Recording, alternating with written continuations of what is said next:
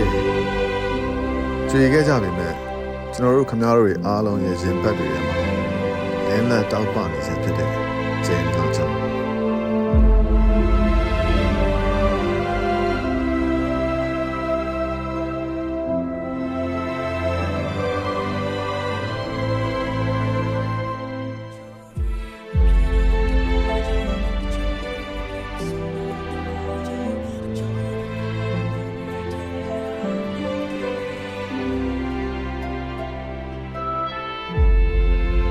တို့ပန်းနိုင်ကိုမြင်ရဖို့လမ်းပြပေးတဲ့ကြည်ငါတို့အိမ်မက်တွေတီဆောက်ဖို့စတေးပေးခဲ့တဲ့ချိန်အမှန်တရားအတွက်စစ်ခင်းရဲတဲ့သူရဲကောင်းသို့မဟုတ် နေရောင်ခြည်ထက်ပိုလင်းတဲ့ကျဲမန္တလေးမြို့နောက်ပတ်ချမ်းကမ်းနားလမ်းပေါ်မှာငှက်ကလေးတစ်ကောင်ကိုလူကြီးတစ်ယောက်ဖမ်းမိလာတာမြင်တော့ဆယ်ကျော်သက်အရွယ်ကောင်လေးတစ်ယောက်ကပြန်လွတ်ပေးခြင်းလို့ဆိုပြီး သူစုထားတဲ့ပတ်စံနဲ့ဝယ်လိုက်တယ်။ငှက်ကလေးကိုပြန်လွတ်မပေးခင်မှာသူ့တငယ်ချင်းတစ်ယောက်ကငှက်ကလေးနဲ့အတူဓာတ်ပုံတွဲရိုက်ပေးခဲ့သေးတယ်။ဒီလိုတနာကျင်တာစိတ်ရှိပြီးနှလုံးသားနုညံ့တဲ့ခြာတိတစ်ယောက်ဟာ2021ခုနှစ်ဖေဖော်ဝါရီလ20ရက်နေ့မန္တလေးမြို့ကမ်းနားလမ်းဆန္ဒပြပွဲအကြမ်းဖက်ဖြိုခွင်းခံရမှုအတွင်းစစ်ကောင်စီတပ်သားစနိုက်ပါလက်ဖြောင့်တနတ်သမားရဲ့ပြစ်ခတ်မှုကြောင့်ဦးကောင်းတဲ့တဲ့ကို ကြည်ထိမှန်သေဆုံးခဲ့ရရှာတယ်။ဒီလူငယ်လေးရဲ့နာမည်ကမောင်ဝေယံထွန်းခေါ်မောင်ကလာသူ့အသက်က16နှစ်ပဲရှိသေးတာ။သူ့ကိုအမရပူရာမြို့နယ်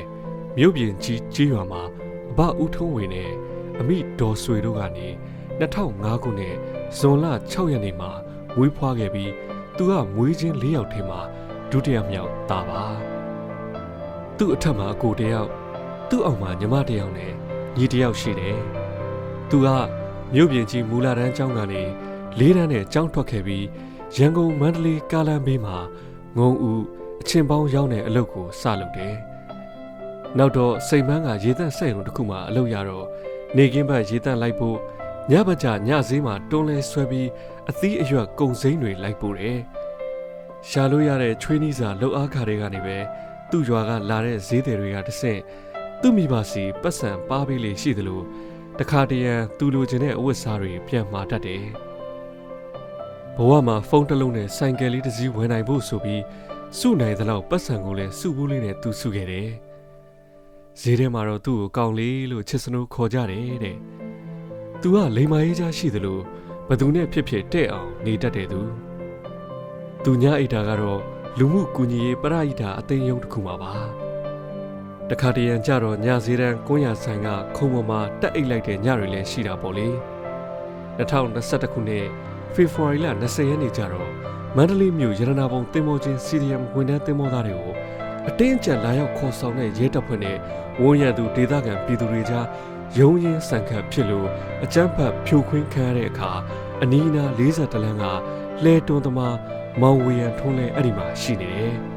။ပထမတော့ သူကဝမ်းပိုက်ကြီးထိမှန်ဒဏ်ရာရသူကိုသူ့တွန်းလဲလေးနဲ့ကူညီကယ်ထုတ်ပေးခဲ့သေးတာ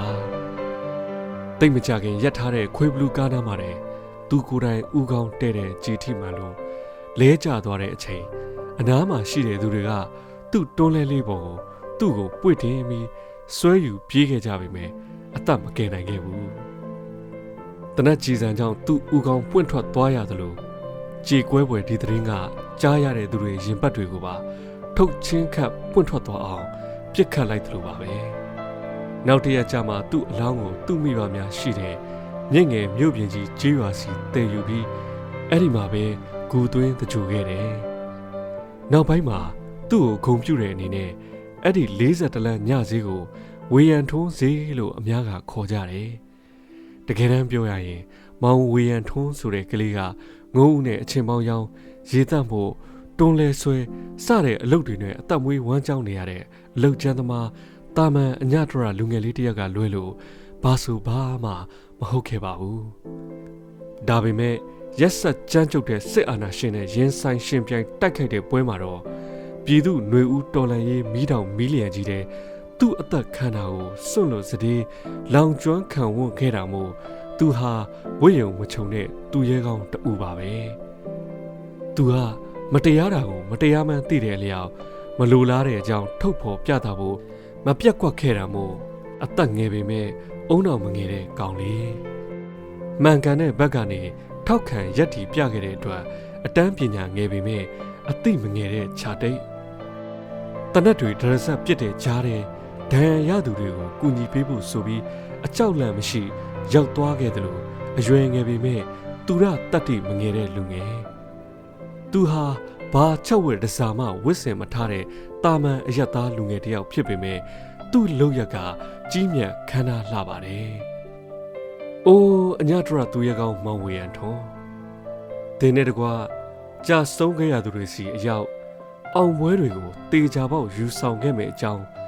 တော်လန်ရေးဂရိသစ္စာပြုလိုက်ပါရဲ့။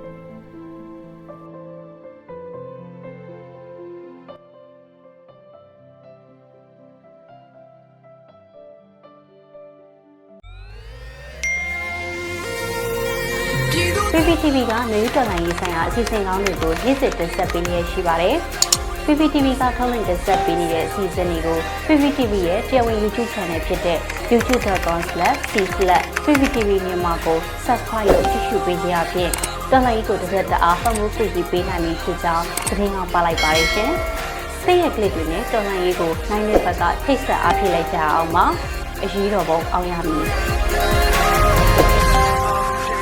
Bobby and